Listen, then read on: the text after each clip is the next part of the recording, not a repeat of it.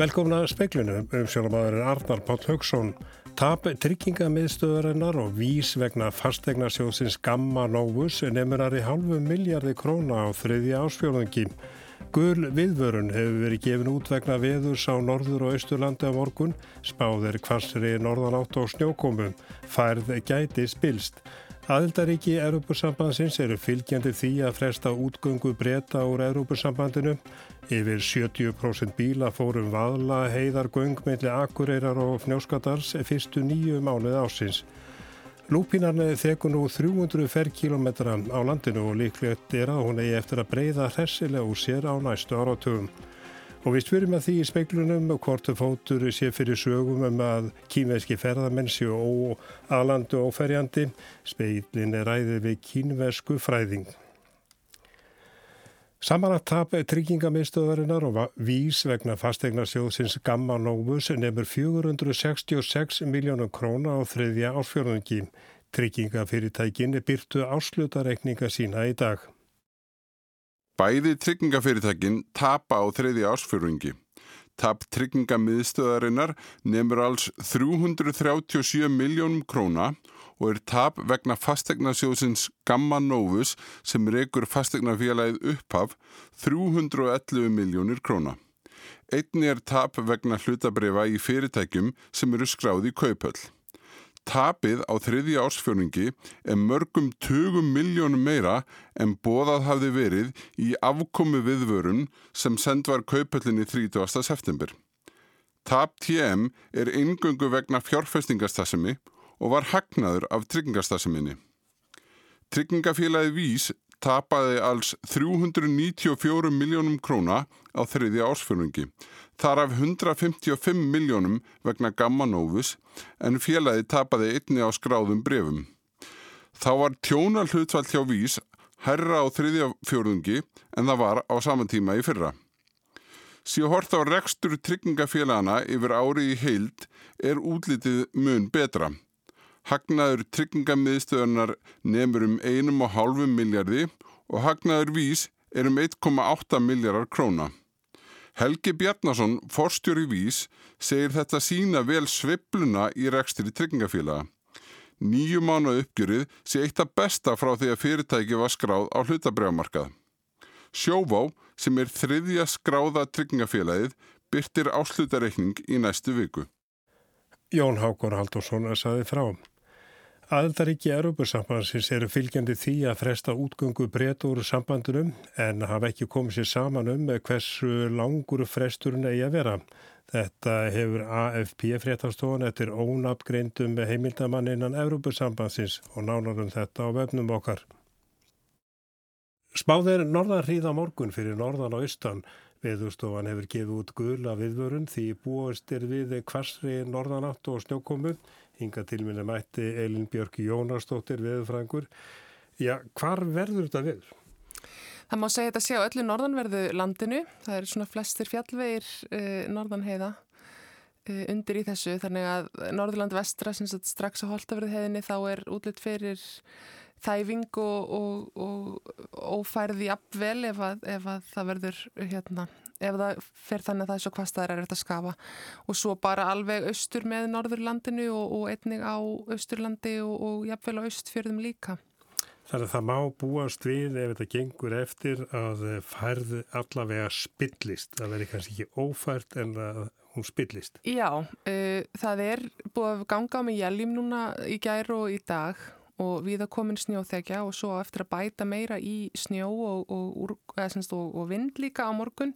Og þá auðvitað tekur skafræningurinn við sér og það er hann sem getur nú verið hvað erfiðastur í þessum, í þessum málum og það, það skefur upp á veg þá er einhvern veginn aldrei að vita hvar og eh, það er vetrafí viða í skólum eh, það má búast við að fólk verða á faraldsvæti í að hvaða ráð gefur þessu fólki Í það er komið vetur og það þarf að fara uh, af stað í, á vetradekkjum og, og viðbúin því að, að, að það gæti til dæmis árið tafir það fólk þarf að fara sér hægar.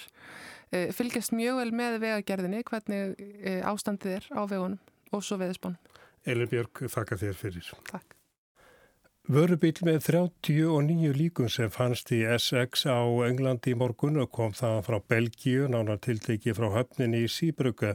Talið er að fólkinu hafi verið komið fyrir í bílnum í Búlgaríum en þó er talið ólíklegt að henni látni séu þaðan. Þau voru öllu fullorinn nema eitt sem var á táningsaldri.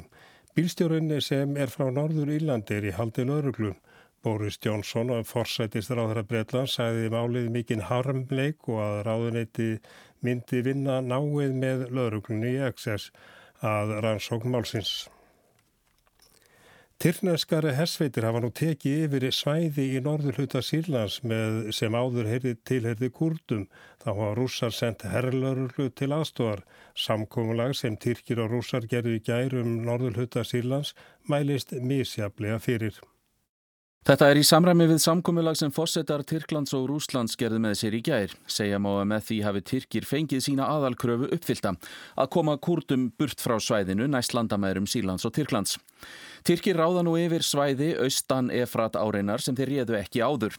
Þá hafa rússar sendt herrlauröglu inn í norðaustur hluta Sílands til að styðja við tyrknesku hersveitirnar og koma hersveitum kurda endanlega frá. Donald Trump bandarækjafótseti hefur hrósað samkomiðlæginu og ákveðið að aflétta viðskiptaþvingunum sem hann hafi sett á Tyrki eftir að innrást þeirra hófst fyrir hálfum mánuði. Ekki er þó almenn ánægja með þetta samkomiðlag. Kúrdar hafa sjálf verið mótmælt í það sem þeir höfðu enga aðkomaði. Þeir eru einfallega neittir til að hörfa frá þessu örgisvæði. Þá gaggrindi talsmaður Angelu Merkel, kanslara Þýskalands einnig samkominnlagið og saði mikilvægt að fleiri þjóðir en Tyrkland og Rúsland kemur að því að leysa deilurnar í Sýrlandi. Þá lísti Annegret Kramp-Karrenbauer, varnarmálar á þeirra Þýskalands því yfir, að Tyrkir hefðu brotið alþjóðalög með innrásinni og bóðaði að það hefði tekið upp á fundi varnarmálar á þeirra NATO-ríkjana sem hefst í Brussel á morgun. Hallgrímur Indriðarsson saði frá. Um 72% umferðar á milli Akureyrar og Fnjóskadal sem fóru með vaðla heiðargöngu fyrstu nýju mánuði ásins. Á sama tíma hefur heildarumferðin aukist um tæp 6%. Framkvæmdastjóri gangnanam segir að þau eigi eftir að sanna gildi sitt en frekar í vetur. Vaðlaheiðagöng voru opnuð í lok árs í fyrra. Það sem aðver ári hafa rúmlega 422.000 bílar ekið um göngin. Valgir Bergmann, framkvæmtastjóri Valaheðaganga, segir að áætlanir félagsins hafi gert ráð fyrir að 90% umferðar um Valaheiði færu um göngin. Það hafi ekki gengið eftir hinga til því hlutfallið sé um 72%. Við gerum ráð fyrir að á þessu rekstra ári væru við með, með milli 800 og 900 miljónir í veðgjald í tekjur og við erum komin núna með eitthvað aðeins yfir 500 miljónir. Er það nóg fyrir rekstur gangana? Hann áfyrir að rekka göngin á við heldur ekstra gána sjálfra en, en það er, það er aðeins undir þeim markmið sem við vorum með. Valger segir að rekstrar áætlanir verði endur skoðaðar þegar meiri reynsla verður komin á notkun gangana. Í sumar varð umferðum vaðlaheiðagöng undir væntingum og margir sem kusu að fara yfir víkurskarð. Það mun alveg klálega breytast núna yfir vetramánuna en það eru göngin og, og hérna, samgöngubót helst yfir vetartíman. En hvernig með sko heildarumferðina, hefur hún breyst eitthvað á þessum tíma sem göngin hafa verið starfandi? Heildarumferð, göng og víkurskarð er núna 5,8% meira heldur en var á sama tíma í fyrra. Og móti kemur að, að umferð eh, ferðamanna í sömar á Norðurlandi er rauninni sko á öðrum stöðum, öðrum mælustöðum vegagarnar, er rauninni sama, eða stendur í stað með þau fyrra. Þetta var Valgir Bergmann, Bjarni Rúnarsson talaði við hann. 300 ferrkilometrar Íslands eru þakti lúpínu og líklegt er að hún muni leggja undir sig markvallt starra svæð á næstu áratugum. Þar eh, skipta máli mikil útbreysla, líklegur samdráttur í söðfjárbúskap, línandi lofslag, andvaraleysi og máttvanna aðgeri til að hindra, hindra útbreysluna. Þetta kemur fram í skýslu Sigurða Kristins Guðjónsson sérfræðings í landupplýsingum og Borgþórs Magnússonar plöntuvistfræðings á Náttúrufæðistofnun Íslands fyrir árið 2017 en skýslan kom út fyrra þessu ári. Náttúrufæðistofnun hefur endur skoða kortlagninga og útbreyslu lúpína á landinu sem upphaflega byrt árið 2016 vegna vinnu við lýsingu og kortlagningu á vistgerðum landsins. Alaskalúpinan, sem skilgreynd er sem ágeng og framandi plöntutegund hér á landi, er orðin mjög útbreytt og þegur stór svæði. Fram kemur að hún valdi miklum breytingum á náttúrufari sem hún breyðist um og því sé nöðsilegt að hafa góðar upplýsingar um hana og útbreysluna. Sagam nýju korti sem byggjar á loftmyndum sem flestar eru frá 2007 til 2017 er heldar útbreysland 299 ferkilometrar. Mest er lúpinan á Suðurlandi, Suðvesturlandi og Norðausturlandi en minnst á vestfjörðum. Útbreyslan hefur aukist í öllum landslutum frá fyrri kortlækningu sem byggði á loftmyndum frá árunnu 2015 eða fyrr.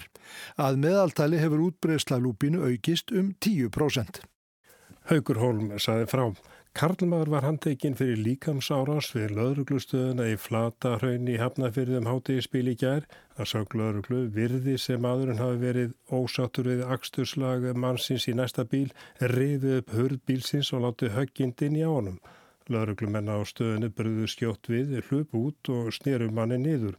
Það sá lauruglum gerir þetta fyrir utan krónuna sem er við hlið lauruglustöðvarinnar. Líklega hafi þarna verið um einhvert ósætt í umferðina að ræða, annar mögulega svínað á hinn.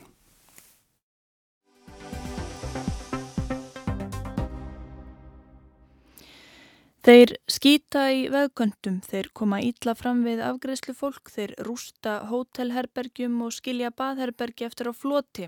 Þeir talinga ennsku, þeir kunni ekki að keira og þú finnur það sko að það voru kínverjar með bílin á leigu. Það er algengt að heyra eða rekast á miður skemmtilegar fullirðingar um kínverska ferðamenn. Fyrir nokkrum árum fóru sumir í ferðarþjónustu gerunum með að segja að kalla þá dalvíkinga svo hægt væri að skammast yfir þeim án þess að gera mikið úr þjóðarninu. Þessi umræða er ekki bundin við Ísland. Kínverskir ferðamenn hafi verið sagaður um að leifa börnum sínum að hæja sér hvar sem er. Mynd af ömmu að aðstúða barnabart fyrir utan Börber í búði í Oxford fór víða á netinu og þá var sett skildi fyrir framann Lúfursafnið í París þar sem þeim skilabóðum var komið á framfæri að ekki mætti gera þarfir sínar þar. Já, skilabóðin voru bara á kínversku. En er þetta orðspor verðskuldað eða byggir það á fordómum og flökkusögum? Er þetta til marksum einhvern núningmiðli ólíkra menningarheima? Speillin ræti þetta við Arnar Stein Þorstensson, kínversku fræðing og sölustjóra hjá Nonna Travel. Þróunin í borgum í Kína er þannig að það er ofbúslega mikið af fólki sem er að, er að flytja úr sveitum og inn í borgirna og fólk uh, kannski hefur Veist, ég, ég kann ekki við orðið að vera siðmentaður, minnst að svolítið gildislaðu orð og, og hérna, en Kína er náttúrulega bara að hægða sér öðruvís og hvernig maður hægða sér í sveitin í Kína þá bara leifur börnunum að hægja sér hvað sem er. Og þegar ég bjóð í Kína á árunum 2001-2006 þá var það mjög algengt að, að börnin gengu um í nærbyggsum með gödum á.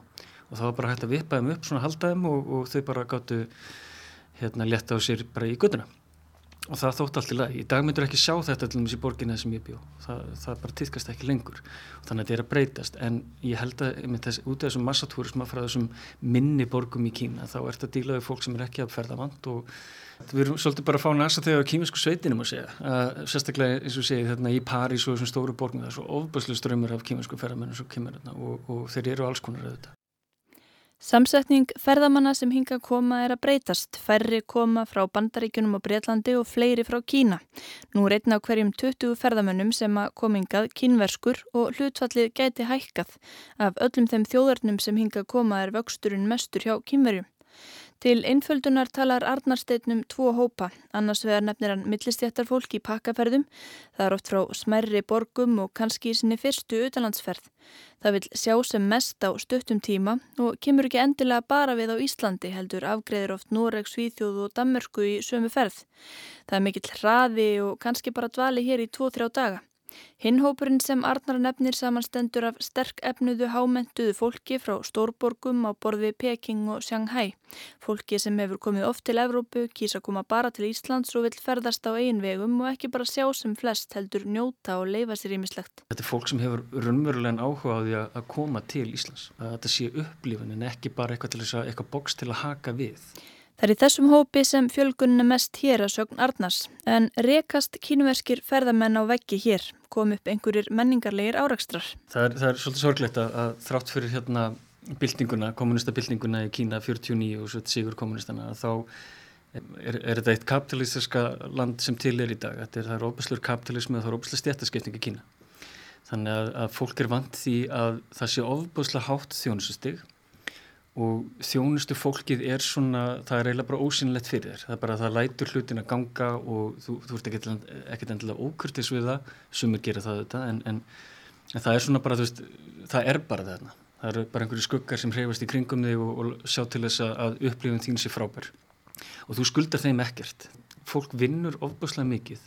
Og það er ofbúslega hraði í lífinu. Það hefur bara engan tíma eða áhuga því að, að sína þér í þjónustarfi einhver, einhver, einhverja tillitsemi þetta er bara jobbið þetta svo komaði til Íslands og, og við erum vönd því að, að koma fram með fólk á jafninga grundalli og þeir eru það bara, þeir eru bara ekkert vanið því, þeir eru ekki að fara að sína þjónustu fólki einhverju sérstakka vinsend eða virðingu. Og þetta er ekkert, þetta er ekkert illt innrætið en eitt slíkt, þetta er bara, þetta er svona bara það sem fólk er vant auðvitað. Og þegar kemur það eins og fólk hefur átt kvartaði yfir sko slemri umgengni á hótelherbergjum og, og slíku að þá er kannski viðþorfið veist, og þetta er náttúrulega ekki algilt og ég held að almennt gangi kýmverðar ekkert endilega frekar illa um hótelherbyggi heldur en aðrir þó að það fari af þeim slæma sögur. Að mögulega má lítið að þannig að veist, það, er, það er búið að greiða fyrir þessa þjónustu. Sko, þegar ég fyrir hótelherbyggi erlendis þá, þá er ég alltaf að taka til að verðin ég fer. Þeir myndi ekki detta það í hug þeir eru búin að borga fyrir þessa þjónustu. Af hverju ætti ég að fara að týna upp rönnblögt hanglaða gólfinu? Skilur þetta er bara svona viðþorf og rétt að hafa það í huga sko að til dæmis gistiverð á Íslandi í samanbyrju við Kína er, er ofbáslega hátt. Þú, þú getur fengið fyrir sko gistiheimili á Suðu Östurlandi getur þú fengið frábært fimmstjórnaherbyggi í Peking á æðislega hótela sem er ótrúlega þjónust og þeir, þeir skilji ekki hennar mun, þeir horfa á þetta bara ég var að greiða hérna 200 eurur fyrir gistingu og þú veist þetta er ekkert spes skilur ég. Speilin sett inn fyrirspurn í nýstofnaðan Facebook-hóp þar sem fólk í ferðarþjónustunni deilir sögum og ráðleggingum um hvernig best megi þjónusta kýmverska ferðamenn. Meðlimir söruð því til að umgengnin var oft slæm, eins að þið eftir eina nótt gæti herbergið verið eins og fimmanna fjölskylda eða gistar í viku. Fólk komi oft með ímis matvæli með sér og lyktinn geti verið svakaleg. Það skiptir endar máli hvaðan fólk komi og kynverjar sem hafi verið við vinnu eða náma á vesturlöndum stingi minni stúf. Það hafa gengið sögur um slaka akstursferðni kínverja. Þeir læri bara að keira einhverjum akstushermum í Kína og komi svo hinga algjörlega blöytir á baku eirun. Speillin barð undir Stengrim Birgisson fórstjóra bílalegu akurirar sem hafnaði því að kínverskir ferðamenn skæru sig eitthvað úr. Saði að hlutfalslega lendu þeir ekki í fleiri tjónum en aðrir. Raunar væru Íslandingar verstir hlutfalslega séð. En hvað um samskiptin við þá? Jú, þau voru erfiðar í byrjun, segir Stengrimur. Það hefði aðalega skrifast á tungumála örðuleika. Fyrirtækið hefði tekið á þessu með því að bjóða leiðbenningar og bæklinga á kínversku og veita kínverjum ríkari þjónustu en öðrum, meiri tíma. Nú séu samskiptin góð og alls ekki þeirra tilfinninga kínverjar komi verð fram en aðrir. Hann telli þessar leiðinlegu sögur, flökkusögur sem ekki sé mikill fótur fyrir í dag. Fyrir tveimur ám síðan var gerð stórkönn meðal kínverska ferðamanna og sko um 40% eða meira af kýminskum ferðamennum sem voru að ferðast utan Suðaustur og Östurasju upplýðu sig sem annars flokks ferðamenn. Þeir voru að ferðast á sett, í, í vestrænum löndum. Og þeim fannst það umulett þeir eru að borga sama pening, jáfnvel meiri en voru ekki að fá að þeim fannst sumu þjónust og sama viðmót. Og þá kannski, ég meina, ef, ef ég væri að ferðast angstur og það væri komið ítla fram við mig en mér finnist kannski kem ég bara ítla fram á móti ég veit það ekki. Og það, það hafa verið rosalega mikið að sögum í fjölmjölum um slæma kýmverska ferðamenn og, og, og á, á bílalögu bílum og, og þetta vindur upp og sér það er allir heyrt sögur um kýmverðin sem var að bakka nefnir lögavegin eða, eða eitthvað svona. En er þetta rasismi? Ég vil ekki, myndi nú ekki segja það. Ég held að þetta sé bara skilningsleysi og hérna, þekkingarleysi á þessu menningamenn Það finnst Íslandingum kannski sko þú veist, mannstu til læginu sem að Latti var með um, um kynverjan, sko, þú veist, er þetta eitthvað svona framandi fólk og, og auðveldar þá að, að segja einhverja sögur af því, segja henni að það er einhver kynverskelling sem að kúka þetta út í kanti heldur en þjóðverjanum eða frakkanum? Já, ég held að, ég held að, þú veist, við það er ekki, færri Íslandikar eiga kýmverska vini heldur en þíska eða ítalska og við bara við þekkjum þá ekki jafn vel, þeir eru svolítið framand okkur, þeir eru svolítið hínir og það eru auðvitað hlutgera á þannig að þeir eru bara, ég skil þetta fólk ekki það er bara óskilinlegt, það er óbúslega þægilegt að afgreða þannig. Og það er mjög margir sem gera það og það er náttúrulega það er bara, það er ekki lægi og, og við í ferðarþjónustunum þurfum að, að gera miklu betur í því að, að koma til móts við og ég held að það sé engi spurning. Og við getum alveg gert það með frekar einföldum hætti eins og til dæmis þetta dæmi sem við nefndum í bílulega akkurar og það eru fleiri fyrirtæki að gera þetta og hótelin getur gert þetta með að setja, inn, setja upp einfaldan upplýsing og öryggisbækling fyrir herbyggin sín og, Það, það er það tvent í því. Það er annars vegar það að fyrstulega finnst kýmerska ferðamennum hann meira velkominn þegar hann fær upplýsingar á sínu tungumáli og að fólk að segja, herru, þú ert velkominn á hótelið mitt, hér eru upplýsingar bara fyrir þig á þínu tungumáli. Og svo er hitt að þegar maður les einhvern veginn leiðbenningar og tilmæli á sínu eigin tungumáli, þá er erfiðar að hunsa. Eins og ég meina við höfum hýrt sögur um fólk að sjóða nærbyggsur í, í hitavasköllum og herbergjum eða sjóða núðlur eða ímislegt og þá getur fólk sagt að ég, ég vissi ekki að það mætti ekki.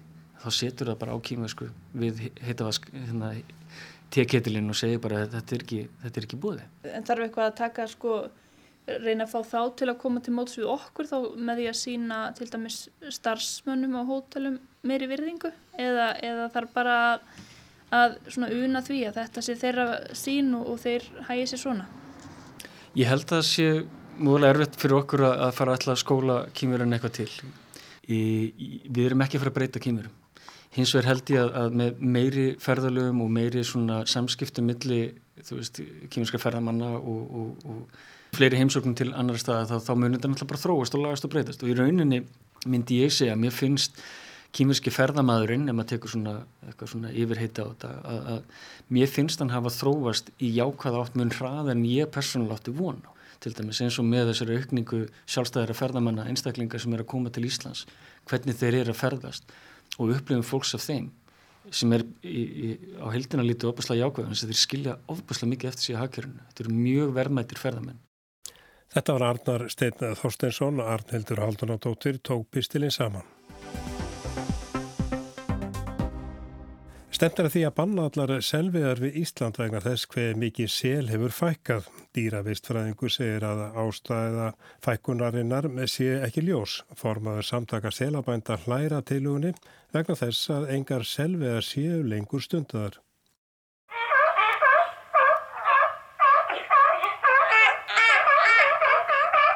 Atvinnuvegar á þeirra hefur kynnt dröga nýri reglugerðum bann við selviðum. Draugin eru nokkur skýr í fyrstu greinu hveð á um bann við veiðum á öllum selategundum við Ísland. Allar selviðar verða óheimilar í íslensku forraðasvæði. Í sjó, ám og vötnum þó verður hægt eða mögulegt að fá sérstakt leifi frá fiskistofum til selviða til eigin nýtja.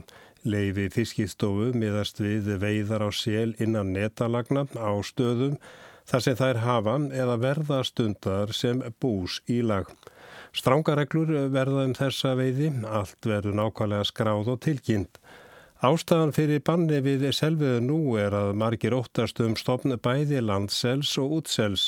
Samkvæmt válista náttúrufræðistofnar sem gefin var út í haustum spendir eru landselir taldir í bráðri hættu eða í efsta hættuflokki, útselurinn er talið verið í nokkuri hættu.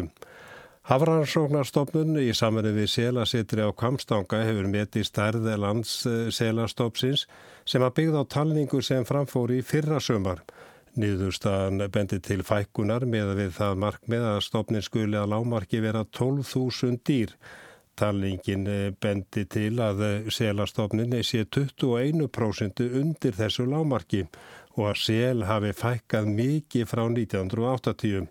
Hafrafsnárstofnun leggur til í ljósi þessa að bannað verða veiða landsel. Einni veri leita leiða til að draga úr meðabla landsels við netaveiðar en vita menn hvers vegna sel hefur fækkað svo mikið við Ísland? Nei, það er ekki til með einn svona allega skýring á þessari miklu fækkun. Segir Estir Rut Unsteinsdóttir í dýravistfræðingur hjá Náttúrufræðistofnun. Hún segir að komið hafi fram ímsar skýringar en aðtegli veiki að selum hafi ekki fækkað eins mikið öðrum löndum. Það sé eiginlega bara á Íslandi sem sel hefur fækkað. Það á að banna veiðar á sel en spurningin er hvort einhverja veiðar séu stundar á sel. Estir segir það skorti upplýsingar um veðarnar. Það er ekki til en um, lög eða þannig sem haldi utanum selina að því leiti fyrir njótingra vendar en, en það er engin skráning á veiðum. Hugsalega með leita skýringa í hjáveiðum á sel en upplýsingar um þær séu ekki fyrir hendi. Því hefur verið haldið fram að fækka það við þekktum með selátrum vegna ágangsferðamanna. Esturud segir að sínta að verið fram á það að á sömum stöðum hafi ágangur ferðamanna neikvað áhrif á ákomu sela. Hugsalega geti selir fært sér til. En það er klostmála að áfangur ferðamanna hefur ekki jákvæða á hljóðstofnin. Þetta var Estir Rödd. Pétur Guðmundsson er formaður samtaka selabænda. Hann er æðardúnsbóndi í ófeigsfyrði á sömrin og veiðir nokkra kópa sér á sínum til matar. En hver er viðbröðu hans við því að banna eigi selviðar? Það er svo sem ekki mikil viðbröð, ég læja þessu bara. Já, hvers vegna? Að því að það er engar selviðar. Hann hefur ekki skýringar á fækkun sela við Íslands fjölgun hafi orðið í ófegsfyrði. Hins vegar hafi honum verið sagt að sel fækki aðalega við ósa lagsveið á hann. Hann gruni að selur sé veitur þar. Hann rekkur fækkunna líka til nýjunda áratögarins þegar markvist var stemt að því að fækka sel. Það var talið mikil skadvaldur vegna ringorma sem berast úr sel í þorsk. Sangvað talningu 1980 var talið að selastofnin teldi 33.000 dýr. Landselastofnin var 2016 komið niður í 7.600 dýr og hafði sangvað því fækkað um 77% á 36 árum. Já, það var, það var mjög harkalega farið í þær aðgerðir og, og þær voru svona ílla grundaðar og við vorum alltaf á móti að gera svona hluti. Ringormanemnd var sett á lakirnar um 1980. Markmið með henni var að fækka sel vegna þess að hann var milli hísill ringorms sem setti stað í þorskim. Þó að sjávarútistræðara skipaði nefndina voru það hagsmuna aðilar í sjávarútvi sem greitu kostnaði við nefndina. 1982 byrjaði nefndina greiða fyrir hvern veittan sel. Það ár var greitt fyrir 4500 veitarseli, kjöti var um tíma notað í loðdýrafóður eða urðað. Árið 1989 voru greittar 13 miljónir vegna selviða eða yfir 46 miljónir á núverði. Það voru drefnir tæplega 4700 selir. Í viðtal við morgumblæði þá segir Erlingur Haugsson, starfsmaður nefnarinnar, að áallar sé að landselir hér við land eh, sé um 40.000 og útselir 10 til 12.000. Á nýjunda áratögnum var tekist harkalega á um selveðar á alþingi. Sjáarótisráðuram þá Haldur Áskrimsson lagði fram frumvarp í þrýgang sem eh, fjallaðum að selurinn ætti að heyrundir sjáarótisráðunetið en ekki landbúnaðaráðunetið. Frumvarpi var að lokum felt í efridild. En átökin voru fyrst og fremst um ringormin sem var talin vera mikil skadvaldur fyrir sjárótvegin. Guðmundur Jó Guðmundsson alþýðubandalagi og formaðu dagsbrúnar sað á þingi að í sömum landslutum hefði ringormirinn þrefaldast í þorski. Laun fiskverka fólks við að týna ormin úr flökum næmi hundruðu miljónan. Ég býst við að hægt væri að hækka laun verkafólks í fiskiðnaði um þriðjung ef þessum útgjaldalið væri ekki til að dreifa, saði Guðmundur Jóð á þingi 1986. Og Gunnar G. Skram sjálfstæðisflokki saði ljóst að ringormurinn væri mikill skadvaldur við það bætti svo að selurinn æti sem svaraði til ásabla 20 tógara. Pétur Guðmundsson í ófegsfyrði fullir eða sel hafi fækkað um helming á nýjunda áratögnum eða þann tíma sem var ringorma nefnd starfaði. Markmiði hafi verið að útrýma sel við landið. Töldu þetta væri, væri hérna öll vandamál fiskunslöðuna væri vegna þess að það væri selur við landið en, en þeir þurfum ekki fara nema svona 50 mílur hérna norður þá eru konið með svona miljón seli þar í Ísafnu í Ísnum og það, það er miklu beira að segja heldur en þessir 20.000 landselir. Við komum sinni. Verðið sæl.